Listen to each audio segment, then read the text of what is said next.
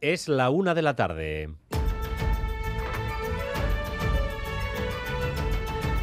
Crónica de Euskadi con Dani Álvarez. A Rachaldeón, las haciendas de Vizcaya, Guipúzcoa y Araba han pactado la aplicación del impuesto temporal a las grandes fortunas.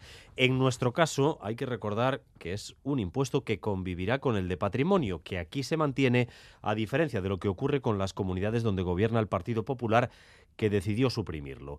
¿Y qué plantean aquí las diputaciones? Pues una tabla avanzada nos dice que los ricos, los grandes patrimonios, hasta 12 millones de euros, van a seguir pagando más con respecto a lo que se paga en España, Irache Ruiz. Si las tres diputaciones aún han cerrado el impuesto para los más ricos, salvo que lo prorrogue el Estado, solo se pagará este año y afectará de especial manera a quienes dispongan de más de 16 millones de euros. El resto ya paga por su patrimonio y al ser estos impuestos complementarios, lo decías, lo que pagan por el primero, se lo deducirán del segundo que se ha elaborado de forma coordinada y armonizada con el resto de territorios y que propone grabar el patrimonio neto de las personas físicas que supere los 3,2 millones de euros, aplicando unos tipos que van del 1,5% y el 3,5%. Es un impuesto temporal, así queda también recogido en el concierto económico y estará en vigor pues siempre y cuando eh, lo mantenga en vigor el Estado. Esta propuesta debe ahora votarse y aprobarse en las tres juntas generales. La fiscalidad de nuevo sobre la mesa cuando ha aparecido en escena otro gran evento para Euskadi, la posibilidad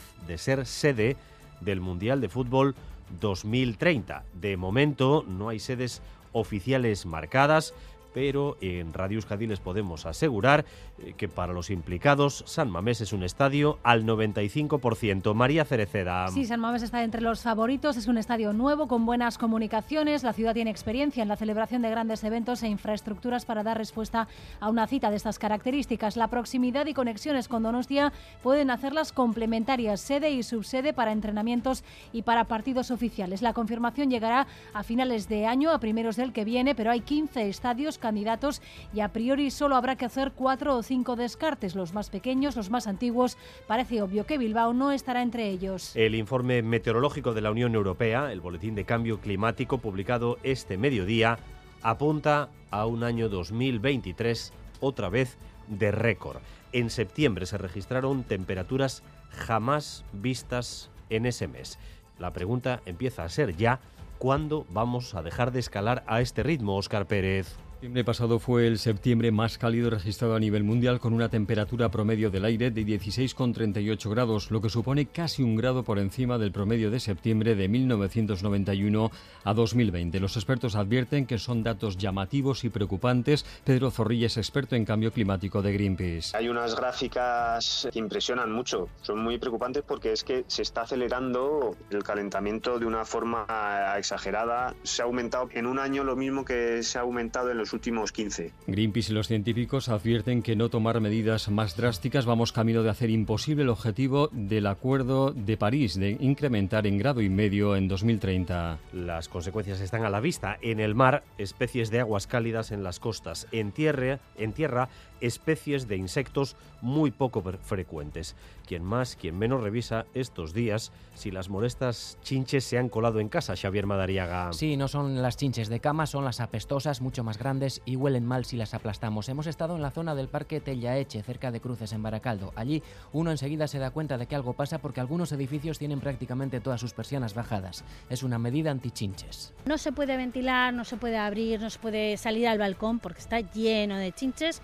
Mi marido se dedica a eso, a limpiarlos más o menos y en la última vez pues unos 50, 100 a la hora estuvo matando. Estas chinches no pican, pero sí molestan. Hay ayuntamientos como el de Baracaldo que ya anuncia medidas, mientras la Diputación va a mandar a analizar la situación a los laboratorios para ver si los cultivos se pueden ver afectados.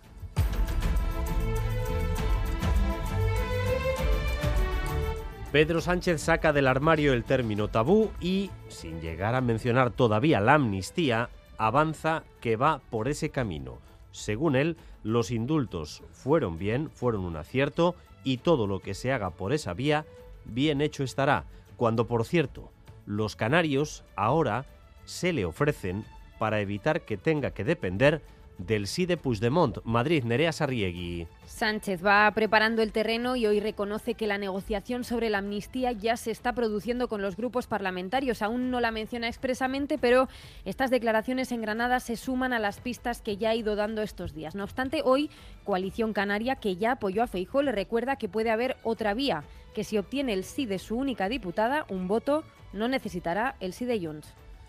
La escritora y traductora bermeana Maya Gabancho se ha hecho con el premio de traducción Echepare Laboral Cucha por su traducción al inglés de la novela Ezurren Erretura de Mirenagur Meave. Gabancho destaca que es muy importante traducir directamente al inglés libros en euskera. Orain hogei urte, eson euskal literaturako libururik inglesera itzulite zuzenien euskeratik inglesera. Eta orain badauz batzuk ez, eta gero eta hobeto ulertzen dau gentie, ze importanti dan benetan euskeratik zuzenien itzultzie beste hizkuntze batzuetara eta ez hizkuntza zubizek erabiliz. Y se acaba de fallar el Premio Nobel de Literatura. The Nobel Prize in Literature for 2023 is awarded to the Norwegian author Jon Fosse for his innovative plays and prose un autor noruego, John Fosse, dramaturgo, escritor, Galder Pérez, Arrachaldeón. Arrachaldeón, Dani, así es, el escritor y traductor Mats Ulrich Mal, secretario permanente de la Academia Sueca, acaba de anunciar el nombre de John Fosse, es escritor y dramaturgo noruego que se lleva el premio Nobel 116. Han ido alternando los últimos años hombres y mujeres. El año pasado Anier no, este año para un hombre, para este escritor y dramaturgo noruego John Fosse. Después ampliamos un poquito más porque tiene una prolífica obra. Dos minutos hace apenas que han anunciado ese premio Nobel de Literatura, uno de los más prestigiosos sin duda de todo el año.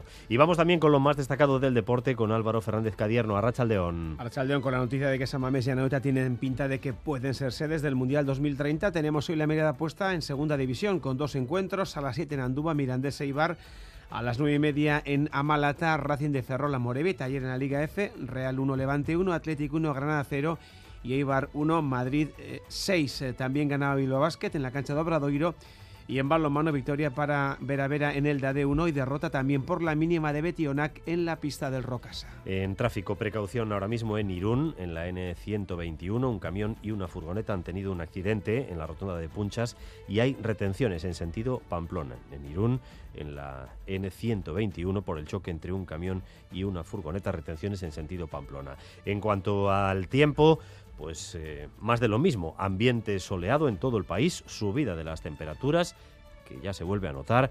En el interior rondaremos los 30 grados, en la costa un poco más fresco, pero poco más, 25 26 grados de temperatura. Ahora mismo hay 23 en Bilbao, 22 en Donostia, 21 en Iruña, 19 grados de temperatura en Vitoria-Gasteiz. Gracias un día más por elegir Radio Euskadi y Radio Vitoria para informarse. Raúl González y José Ignacio Revuelta en la dirección técnica, María Cereceda en la coordinación. Crónica de Euskadi con Dani Álvarez.